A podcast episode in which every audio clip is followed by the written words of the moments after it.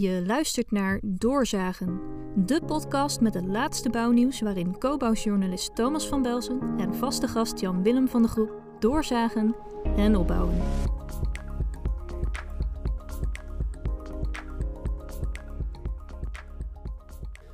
Huizenprijzen blijven door het dak gaan, maar bouwers profiteren er niet van. De bouwkosten stijgen namelijk net zo hard mee. Intussen blijft de productie van huizen ver achter bij de ambities van het nieuwe kabinet. We komen niet verder dan een schamele 69.000 huizen per jaar. Dames en heren, dit is Doorzagen. Deze keer uiteraard met onze vaste sidekick. En hij is volgens mij echt razendscherp vandaag, Jan-Willem van de Groep. En we hebben Juriaan van Sticht, van architect, architect van Lefs. Uh, hij vindt de bouw eigenlijk te masculien. Hij bouwt overal ter wereld, in Afrika, Rusland. En vorige week had hij een column in Koba waarin hij zegt dat eigenlijk duurzaam bouwen niet veel verder komt dan het hangen van planten aan gevels. En dat is vrij pover dus. Heel kort, uh, Juriaan, ben jij somber over duurzaam bouwen in Nederland? Ja, het glas is soms half vol en soms half leeg. Je zou kunnen zeggen, als je kijkt vanaf de jaren 80 hebben we best wel stappen gemaakt. Maar jongen, jongen, jongen, wat gaat dat langzaam en hoeveel strijd moet je leveren om die stappen te zetten? Stap, stap, stap, stap, zeg ik wel eens. En heel veel stap, een klein stapje vooruit en weer achteruit. Dus dat okay. somber een beetje. Ja, we gaan het daar zo verder over hebben, uitgebreid. Uh, overigens, leuk om te weten, uh, kwam ik gisteren achter. Ik ging even vragen aan Merel Pitt van de architect-hoofdredacteur. Van, goh, ken jij die Jurian van Sticht? Want zij weet alles over architecten. Ze zegt ja, want zijn vrouw die zit vandaag bij mij in de podcast. Dus het is echt één grote podcastdag voor een familie van Sticht. Hartstikke mooi natuurlijk. Laat Mevrouw Loof hebben... is dat overigens. De, de ja. is, uh, spoorbouwmeester van Nederland. Ja, ja dus nou, dat is toch mooi. Dit is echt uh, toevallig is dit. Nou ja, we gaan het zo hebben over duurzaam bouwen. Dus, maar ik wil eerst even naar het actuele nieuws. Um, laten we eerst even beginnen bij de Zeesluis. Zeesluis aan Muiden. De koning die opent het vandaag. Echt een civiel-technisch hoogte, ho hoogtepunt wellicht weer. Uh, maar kunnen we er eigenlijk wel een beetje trots op zijn, Jan Willem? Want achter de schermen gebeurt er nog van alles. Hè? Die bouwers die willen nog wat uh, miljoenen terug van Rijkswaterstaat. Ja, ik zou zeggen dat we trots kunnen zijn op het civiel. Hè? Dus op wat er is gerealiseerd. Daar gaat mijn uh, civiel technisch hart ook harder van kloppen. Hè? Ik ben ooit opgeleid als civiel technicus. maar de processen bij dit soort grote infrastructurele werken, dat, dat, dat moet toch echt eens een keer op een andere manier. Dat, dat, dat, hoe, hoe, kan, hoe kan dit nou? Ik bedoel, uh, want je hoort zeggen hè, van buitenaf, en, en er is eigenlijk niemand die er echt heel open is. Rijkswaterstaat niet, maar ook de bouwers zelf niet, praten er niet echt eh, over. Maar je hoort toch steeds in het veld weer van dat er bij Rijkswaterstaat te veel managers zijn ingeschoven die heel weinig eigenlijk liefde voor het vak hebben en eigenlijk het vak ook niet echt verstaan, Julian. Ja, nou dat durf, daar kan ik niet zo, heb ik niet zo meteen een uitspraak over. Wat ik wel denk is dat, um, kijk, als ik dan maar even terug ga naar de Deltawerken of de metro van Amsterdam of dit soort projecten. Nederland is natuurlijk uniek in het feit dat we nieuwe zaken ontwikkelen en bedenken. Uh, daar moeten we trots op zijn. En daar betalen we soms ook veel leergeld voor. Maar vergeet niet dat uh, de nieuwe techniek voor de metro van Amsterdam, dat dat nu heel veel uh, op andere plekken wordt toegepast. Vergeet niet dat, dat we met de dijken in Zeeland hebben gemaakt. Dus ik vind soms in Nederland, dat is bij zijn, dan komen we toch op dat duurzaam bouwen. We zijn altijd heel erg bezig met wat niet goed gaat. Maar misschien moeten we ons wat meer focussen wat wel goed gaat. En hoe we dan het nog sneller en kunnen versnellen en wat we ervan geleerd hebben. En ja, daar zou die transparantie van moeten zijn. Die transparantie, dus uh, daar kom ik even terug op, uh, ik doe ook dingen in Afrika en daar is mijn belangrijkste ding van vertel nou wat er niet goed gaat. Dat geeft helemaal niet, want niet alles gaat goed. En dan maken we snellere stappen. Dus er zou eigenlijk Nederland opener moeten zijn. Rijkswaterstaat ja, ja. veel transparanter opener moet zijn. Ja, en de pers moet er wat minder over, over meteen over mekkeren. Daar zeg ik dan ook al meteen hier. Ik bedoel, het gaat, dingen gaan niet goed. Maar het is ingewikkeld wat we doen. Klopt. ik lees dan in dat artikel uh, in de COBA dat de uh, Rijkswaterstaat een soort van trotsheid uitstraalt dat ze dat contract zo dicht getimmerd hebben. En eigenlijk het, het risico verschuiven uh, naar de aannemers. Maar dat is juist de, gro dat is de grote misvatting. Want uh, volgens mij ja. is zo'n groot werk, kun je, moet je juist volgens mij helemaal niet met uh, contracten werken. Moet je juist een team gaan samenstellen van opdrachtgever en opdrachtnemers die gezamenlijk de ambitie hebben om dit te gaan realiseren. Want met zo'n dicht getimmerd contract gaan die bouwers gaan ze allemaal zoeken. Maar hoe kan, het, hoe kan ik het goedkoper doen? Hoe kan ik dit? Nou ja, er is een oud Rijkswaterstaat, die heeft mij gelijk benaderd eigenlijk naar die artikelen. Die zegt ook van, uh, en hij heeft ook bij Ballas Nederland trouwens gewerkt, hij heeft meegewerkt aan de Oosterscheldekering.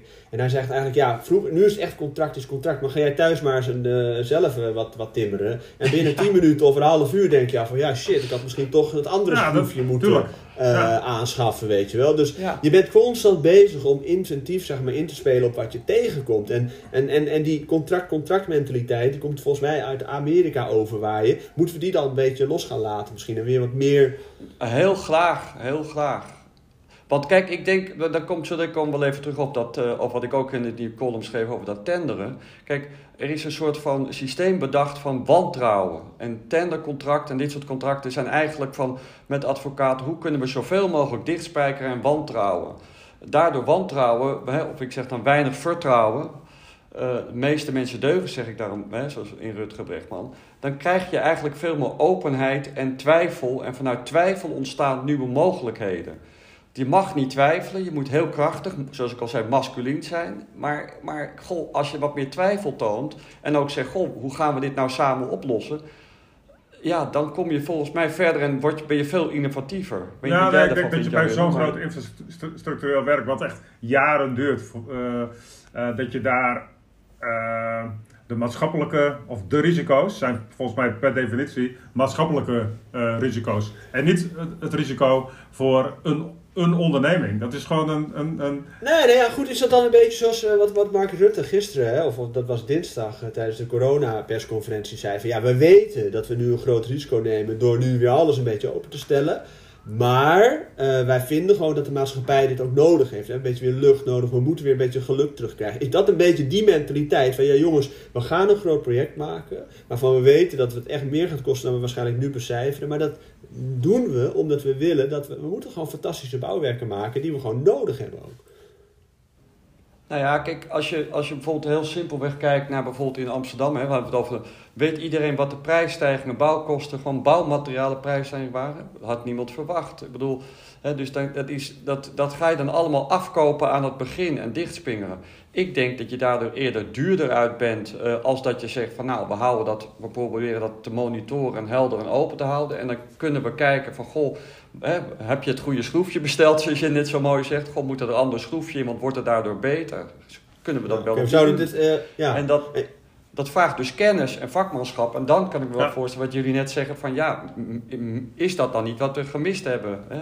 Nou ja, kijk, die openheid, dat merk ik ook. En daarom is het misschien wat het de journalisten juist blijven kloppen. Van ja, neem, neem die journalisten dan mee in dat verhaal, vertel dat. En het blijft juist een beetje binnen kamers. Ja, dat moet je vooral volgens mij dan niet doen bij, de, bij journalisten. Want die gaan juist graven dan, weet je wel. Maak het niet zo geheimzinnig. Wees daar gewoon transparant over. En probeer het niet soort van het lijkt nu een soort van weg te moffelen in allerlei begrotingen en zo, die we allemaal moeilijk kunnen lezen.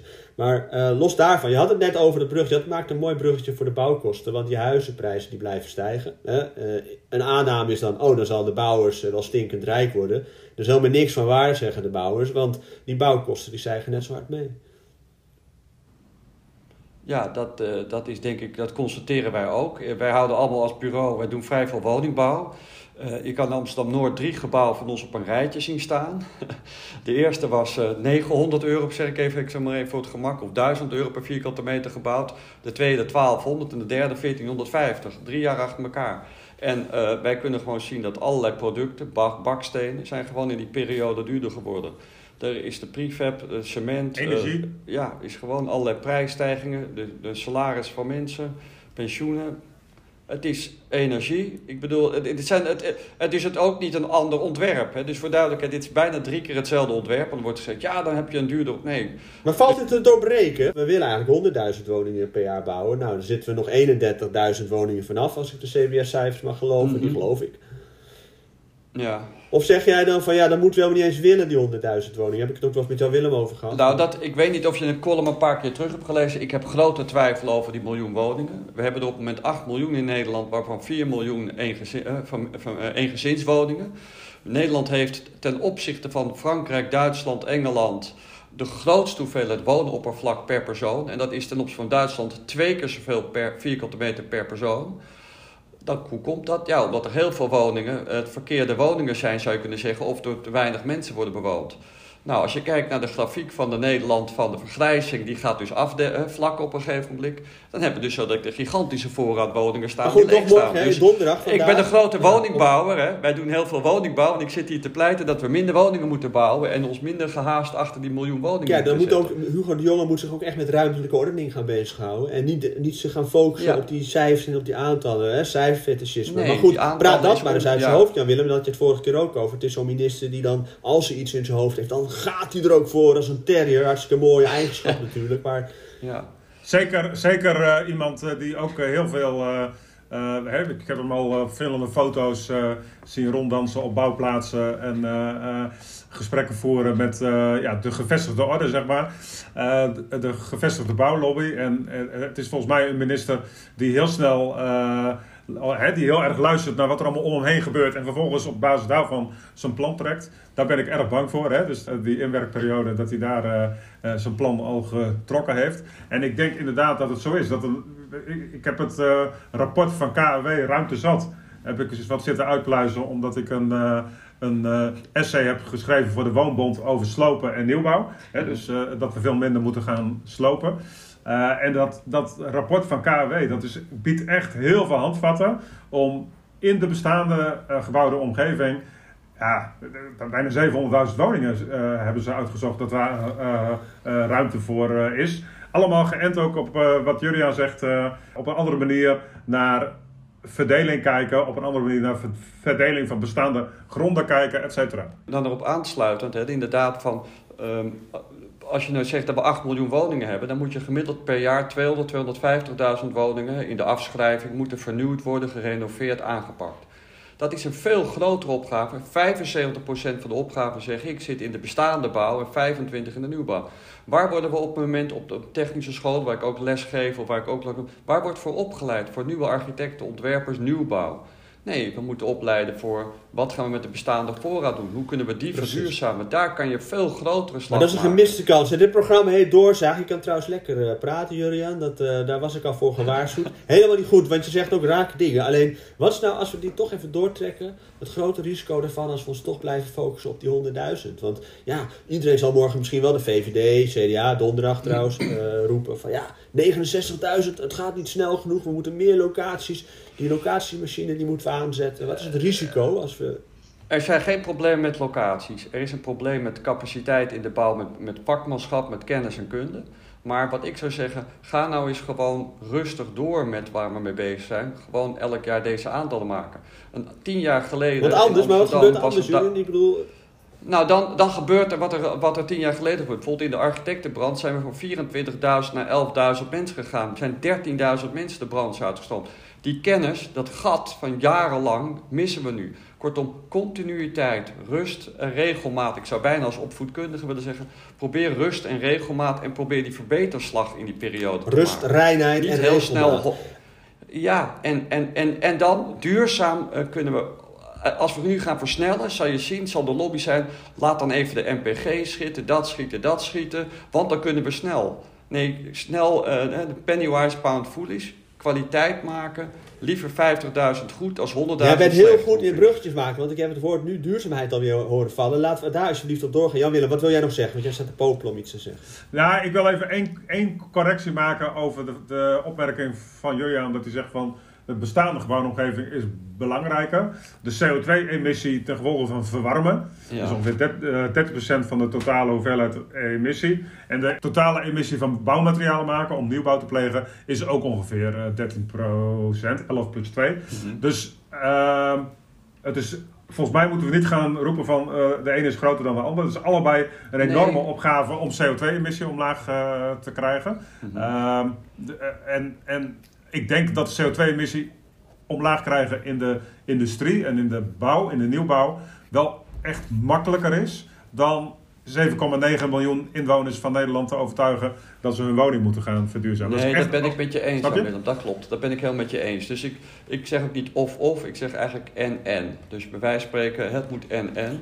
En het ging eigenlijk over de Niet de gouden handdoek Maar in de rug gooien, hè. Als jij een punt gemaakt hebt, dan... Nee, ja, hij slaat af en toe wel eens Nee, terug, maar gewoon bij het nee, punt ik, blijven. nee, dat is heel goed. Nee, maar ik, ik, ik, kijk, dat is, ik ben niet dogmatisch. Dat is misschien wel een beetje het punt. Ik hou niet zo van dogma's. Dus ook moet ik mezelf daar een beetje in corrigeren. Dus dankjewel. Nee, dat zie ik niet als een probleem. Kijk, het gaat eigenlijk over de nuance in al deze gesprekken en in deze debatten. Je moet beide dingen doen. Maar waar ik niet van ben, is van inderdaad van... We bouwen 100.000 woningen snel en die zijn goed. Dat is inderdaad, denk ik, ja, dat is wel heel simpel. Liever 50.000 van betere kwaliteit. Dat punt is duidelijk gemaakt. Ja. Ehm, ja. En nu wil ik terug, uh, of eigenlijk beginnen over jouw column. Hè. Vorige week in Cobouw. Ah. Uh, waarin je eigenlijk nou ja, best wel een droevig verhaal uh, vertelt over hoe het, hoe het staat met duurzaam bouwen in Nederland. je zei net al van, ik ben er al sinds 1980 mee bezig. Wat is er eigenlijk in die 42 jaar bereikt? Nou, wat is er bereikt in die 42 jaar? Nou, kijk, daarom zeg ik van, ik weet, jij hebt hem vrij somber gelezen. Ik zei, er moet wat meer opstandigheid komen, wat meer provo, wat meer, wat meer punk en wat meer, uh, uh, wat meer, meer, meer turbo erin. Ik zei eigenlijk van, kijk, er worden eigenlijk veel te veel regels op elkaar gestapeld, veel te veel nieuwe hobby's bij elkaar gezet. De een heeft het over circulair, de volgende wil weer cradle to cradle. Dus we hebben al die processen gehad. Dus ik zal maar zeggen, 20 jaar of 10 jaar geleden, we begonnen met duurzaam, handboek duurzaam bouwen. Toen kregen we cradle to cradle, was hip.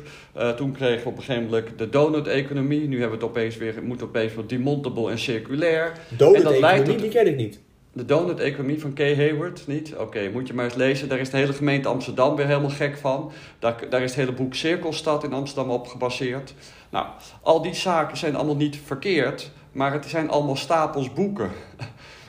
en het gaat er niet om wat je opschrijft, maar wat je doet. Dus maar dat is een somber verhaal. Ik bedoel, er is helemaal niks positiefs aan. Jawel, jawel. Het is positief dat de mindset gaandeweg heel erg verschoven is. Als ik nu dus, en daar schrijf ik mijn column op, als ik nu in een team van partijen, van ontwerpers, uh, bouwers zit, echt, dan is, de meeste mensen willen echt wel die stap inmiddels maken. Dat is echt minder strijd voor nodig. Maar je ziet wel dat bijvoorbeeld, uh, neem nou eens, waar, daar ging het dan over. Ik gaf een voorbeeld van een tender. Ik wil nooit noemen welke tender. En in zo'n tender wordt opeens dan als belangrijkste gezegd uh, waterberging en groene planten aan de geven. Dan denk ik, oh ja, moet ik nou... En dan kan ik alleen maar daarop scoren. En dan dus de MPG doet er niet toe en CO2 doet er niet toe. Dan denk ik, ja, wat is dit voor een, voor een raar soort van, van uitgangspunt? Kunnen we niet gewoon zeggen van wat willen we bereiken? Nou, dat kan niet, omdat we in tenders moeten we een level playing field. Moet met getalletjes en vinkjes. En daarvan denk ik, en dan komen we eigenlijk terug op die sluis. Hè, dus wat houdt ons heel erg tegen? In, zeker bijvoorbeeld in de regio Amsterdam, maar op veel plekken. Er wordt heel veel getenderd. Er wordt heel veel door allerlei regelgevingen, Europese afspraken. En ja, we moeten allemaal gelijke kansen krijgen. Ja, dat moet wordt er vrij veel kennis en kunde en capaciteit verspild. Dat is vind ik stap 1. Namelijk, uh, maar stap 2 is, de inventiviteit van een team wordt er totaal uitgeslagen. We zijn alleen met z'n allen aan het kijken, hoe kan ik nou winnen en hoe moet ik wat Is hier de, is, heeft het een culturele basis? Of, of, want, want ik denk dan steeds, ja, wij zijn Nederland, wij zijn een land van regeltjes, land van aansturen en managers en boekhouders? Uh... Nee, dat is uh, in, voor, duidelijkheid, voor duidelijkheid. In Duitsland is dit de, de common, uh, altijd al zo. In Luxemburg gebeurt het, in Frankrijk. Dus wij hebben regels van het buitenland naar Nederland gehaald. en gezegd, we gaan dat net, hè, we doen sommige dingen inmiddels als Amerika en sommige dingen als het buitenland. Om iedereen kansen te geven. Maar ik denk dat je daarmee heel veel verspilt aan kennis en kunde van teams.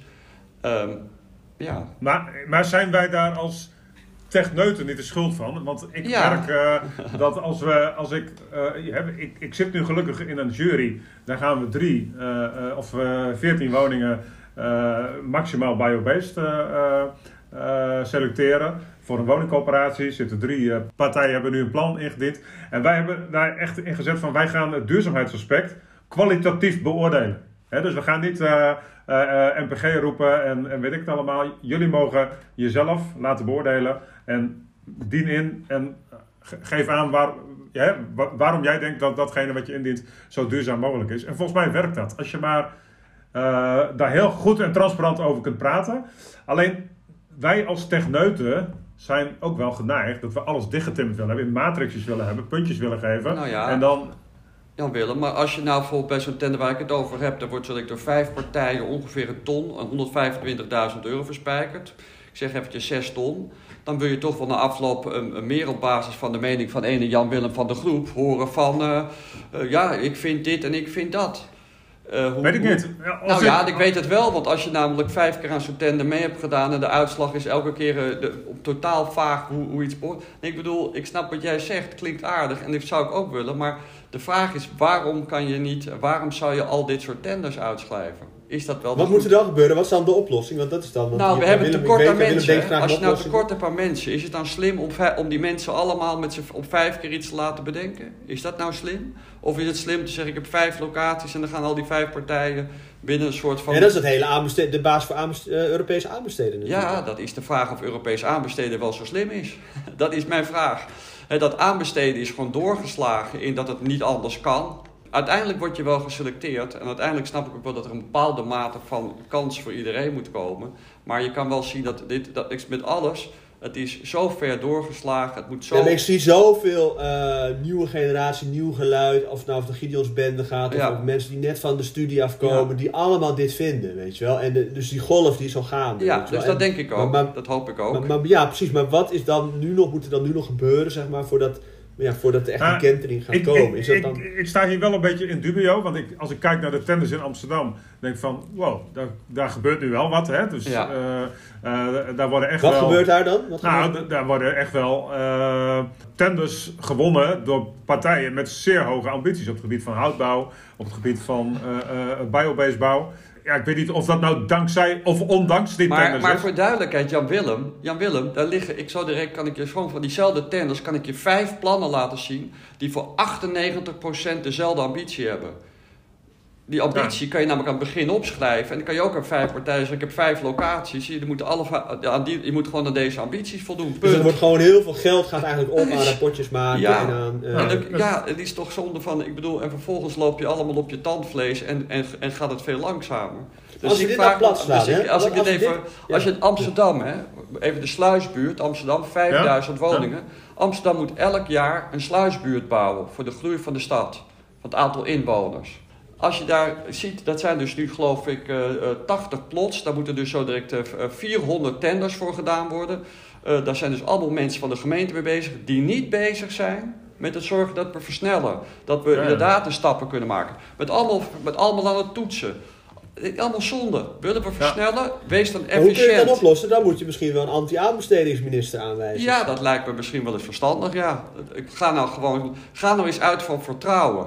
Dat bedoel ik. Dus de basis is, ga nou eens uit van vertrouwen. Je schrijft, een, je schrijft op, op deze locatie kunt u dit ontwikkelen. Als u na een jaar met een, met een, met een volstrekt onzinplan komt wat niet voldoet aan die voorwaarden, dan mag, krijgt u de locatie niet. Punt. Maar hoef je niet vijf partijen, allemaal ingewikkelde Zijn er opdrachtgevers bij die dit al wel doen? Ik Ja. bedoel, ehm, Amsterdam gaf je als voorbeeld. Nou ja, we hebben, we hebben ook projecten waar we niet getenderd met eh, eh, ambitieuze opdrachtgevers. Ik hou nooit zo van naam noemen. Die dus gewoon vanuit hun eigen bi- ambitie, vanuit hun eigen drive dat gewoon doen. Het is niet zo dat, er, dat het echt alleen maar omdat je het op een regeltje opschrijft dat mensen dat doen. Er zijn gewoon echt een aantal ontwikkelaars, partijen, die ook, ook trouwens voor, om dat vast... Kijk, waar bijvoorbeeld de investeerders, eh, pensioenfondsen... We hebben toevallig een project, dat kan ik een goed voorbeeld noemen. Eh, we hebben een project Amsterdam, de podiumlocatie. Eh, dat is eh, woningbouw wat voor een, eh, twee pensioenfondsen wordt gebouwd. Op een gegeven moment zeiden wij van, goh, nou ja, je hebt de Amsterdamse Beng, dit zou dan verhoogde norm zijn... Eh, nou, dat gaan we dan maar niet doen, want dan wordt het te duur. Toen vroegen wij gewoon van, goh, maar wat kost het eigenlijk extra? Die pensioenfondsen hebben gewoon in twee seconden ja gezegd. Was helemaal geen issue. Natuurlijk gaan we dat extra investeren. Helemaal geen probleem. Want ja, wij krijgen dus ook meer beleggingswaarde. En, nou, zo, zo, en, dus Maar kunnen, hè, want die opdrachtgevers denken natuurlijk ook, ja, wij schrijven regeltjes op. Maar kunnen al die bouwers het wel leveren? Weet je wel, voor je het weet, dan roept iemand van ja, dat kan ik ook. En dan pakt het helemaal verkeerd uit. Dan heb je helemaal niks duurzaam, zeg maar. Dus ja, je moet het natuurlijk wel soort van ja, maar vergelijken. voor duidelijkheid, als wij een omgevingsvergunning indienen, dan moeten er dus zo krankzinnig veel rapportages bij zitten. Daar kan je het echt allemaal wel uithalen hoor. Ik bedoel, Om er nog maar even één eh, steen in te gooien eh, in de vijver. Ben jij, voor, ben jij fan eigenlijk van de MPG, Julian? Ehm, ik vind het fantastisch dat we een middel gaan hebben bedacht dat we eindelijk die materialenpaspoort. Hè. We werken ook met het programma Madaster, waarbij je dus het materialenpaspoort van een gebouw bijhoudt. Waar wij gek van worden is eh, dat er maar zo ongelooflijk weinig eh, project, producten in de, in de eh, Nationale Milieudatabase zijn. Categorie 1, 2 of 3. Het zijn er maar heel weinig. Veel te weinig biobased producten. En eigenlijk is die ehm 0,8 halen, ja dat is een eitje. Dat gaat nog veel te lang. Dus wij doen bijvoorbeeld... Maar wat erin staat, klopt dat ook een beetje? Want daar gaat ook best wel wat discussie Nou, nee, over, dat hè, klopt van- ook een ding niet. Bijvoorbeeld, het is idioot dat je natuurlijk eh, hout eh, geen CO2 opslaat blijkbaar. En dat we dat na 75 jaar gaan verbranden. Waardoor, waardoor je dus eigenlijk helemaal geen houtbouw in, eh, stimuleert. Hè, dus als wij... Ah, maar net gaf je ook nog een ander voorbeeld, toch? Van waarbij, waardoor zeg maar, een bepaald materiaal duizend jaar meegaat. Nou ja, en- kijk, ik bedoel, los daarvan, als je dan inderdaad zoals ik zo gek bent om eens een keer die hele lijst door te akkeren. Van, eh, als je, ja, want je kan dus in de nationale Ik milieu... ben benieuwd naar je inzichten. Ja. Nou ja, dan steekt er bijvoorbeeld een betonfirma bij die vanuit het leuk verhaaltje van circulariteit en herplaatsbaarheid van beton, die heeft dan blijkbaar een, een kanaalplaat of een privé betonelement in duizend jaar afschrijven. Dan denk ik, ja, haha, duizend jaar afschrijven. En dan, en dan wordt er dus misbruik gemaakt van, van een interessant verhaal van ja, circulair, demonta- demontabel. Dus die plaat, die gaat, ja, natuurlijk gaat de betonplaat duizend jaar mee, maar, Maar in de praktijk nooit. maar in de Nee, praktijk nooit. Het is een soort In de- flauwekul. In de, eh, in de praktijk krijgt die vloer dus aftrek Ja, in, in de emissie nu, hè, dus de Ja. emissie die hij nu doet, doordat hij dat verhaal heeft. eh, eh, Mag hij door duizend delen. ja. nou ja, ja, bij wijze van spreken. En dat is echt zo ridicul. Dus die hele En, MPG, hout moeten we, en een houten vloer moeten we delen door 75. ja, die moet je Ja, door- ja, nee, nee, helemaal niet. Die is nul. Die is nul eigenlijk op het moment. Ja, Ja, dat is nul. Het is toch wel Dus- erger, ja. Ja, dat is wel erger. En ik, ik vind de NPG echt niet goed. Ik vind het echt waardeloos dat je een blend maakt van heel veel eh, milieuindicatoren die weinig met elkaar te eh, maken hebben. Ik vind het niet goed dat we het niet kunnen gebruiken om aan de voorkant op CO2-emissie te sturen. En ik vind het niet goed dat we aan het einde levensduur heel veel bouwmaterialen aftrek krijgen. Hè, dus milieu Ja, duurzamer zijn, omdat ze... eh, hè, dat Maar je hebt wel eens op het punt gestaan, we moeten hem verbeteren. Daar kwam ook een Nee, hij manifest moet, uit. het moet er veel ook, beter. binnen- Het moet er veel beter. Kijk, dus ik ben met Jan Willem. Kijk, ik vind dus goed dat er voor het eerst, laat ik het anders wat nuanceren. Ik vind het goed dat er eindelijk is, wordt bekeken dat materialen ertoe doen wat je in een gebouw gebruikt. Dat is, jarenlang is ons dat niet gelukt. De overheid heeft er een tool voor bedacht. Waarom Nederland nou weer iets anders bedenkt als Duitsland en alle andere landen, dat snap ik dan weer voor geen meter. Want alle we hebben allerlei fantastische Duitse producten. Die zitten niet in de nationale milieudatabase. Die bedrijven hebben er ook helemaal geen zin in. En ja, dat betekent dus dat dat niet werkt. Dus waarom we Klopt. allemaal weer eigen dingen moeten bedenken. Er is in Duitsland is het wel veel beter geregeld. Dat kan ik zeggen. Die hebben daar een beter soort systematiek voor. Oké. Dus dat is van belang. Maar als je Maar kunnen we nog iets positief... met die NPG of moeten we daar gewoon ook afstand van nemen? Nee, dan? dat, kijk, dat is precies waarom ik er zo bezwaar tegen heb. Je moet niet te snel het weer afschaffen, want dan hebben er namelijk een heleboel partijen. We zijn hier nu al tien of acht of negen jaar mee bezig. Kunnen een heleboel partijen zeggen: Oh, dan gaan we weer iets nieuws bedenken. Zijn we weer vijf jaar verder? Ja, ze Nou, zeiden wel van sinds 1998 zijn ze met het systeem. Wij, Ja, wij, komen met de Gideons wel met een actie. En die Ja, maar actie die dat- gaat... Ja, nee, we gaan Ik niet ben het NPG mee eens. We gaan niet de NPG afschaffen. Eh, laat, laat hem eh, lekker bestaan. Laat iedereen daar zijn ding op doen. Maar die NPG is opgedeeld in vier modules. Ja. A, B, C, D. En Ja. je kunt die, die waarde van de module A, hè, de waarde van, de, van alle emissies die gepaard gaan met het maken van het gebouw, die kun je er apart uitlichten. Dan kun je een apart sturingswaarde op gaan zetten. En dan kun je dus ook, eh, die kun je dus ook gebruiken. Die haal je gewoon uit diezelfde database, uit diezelfde tool.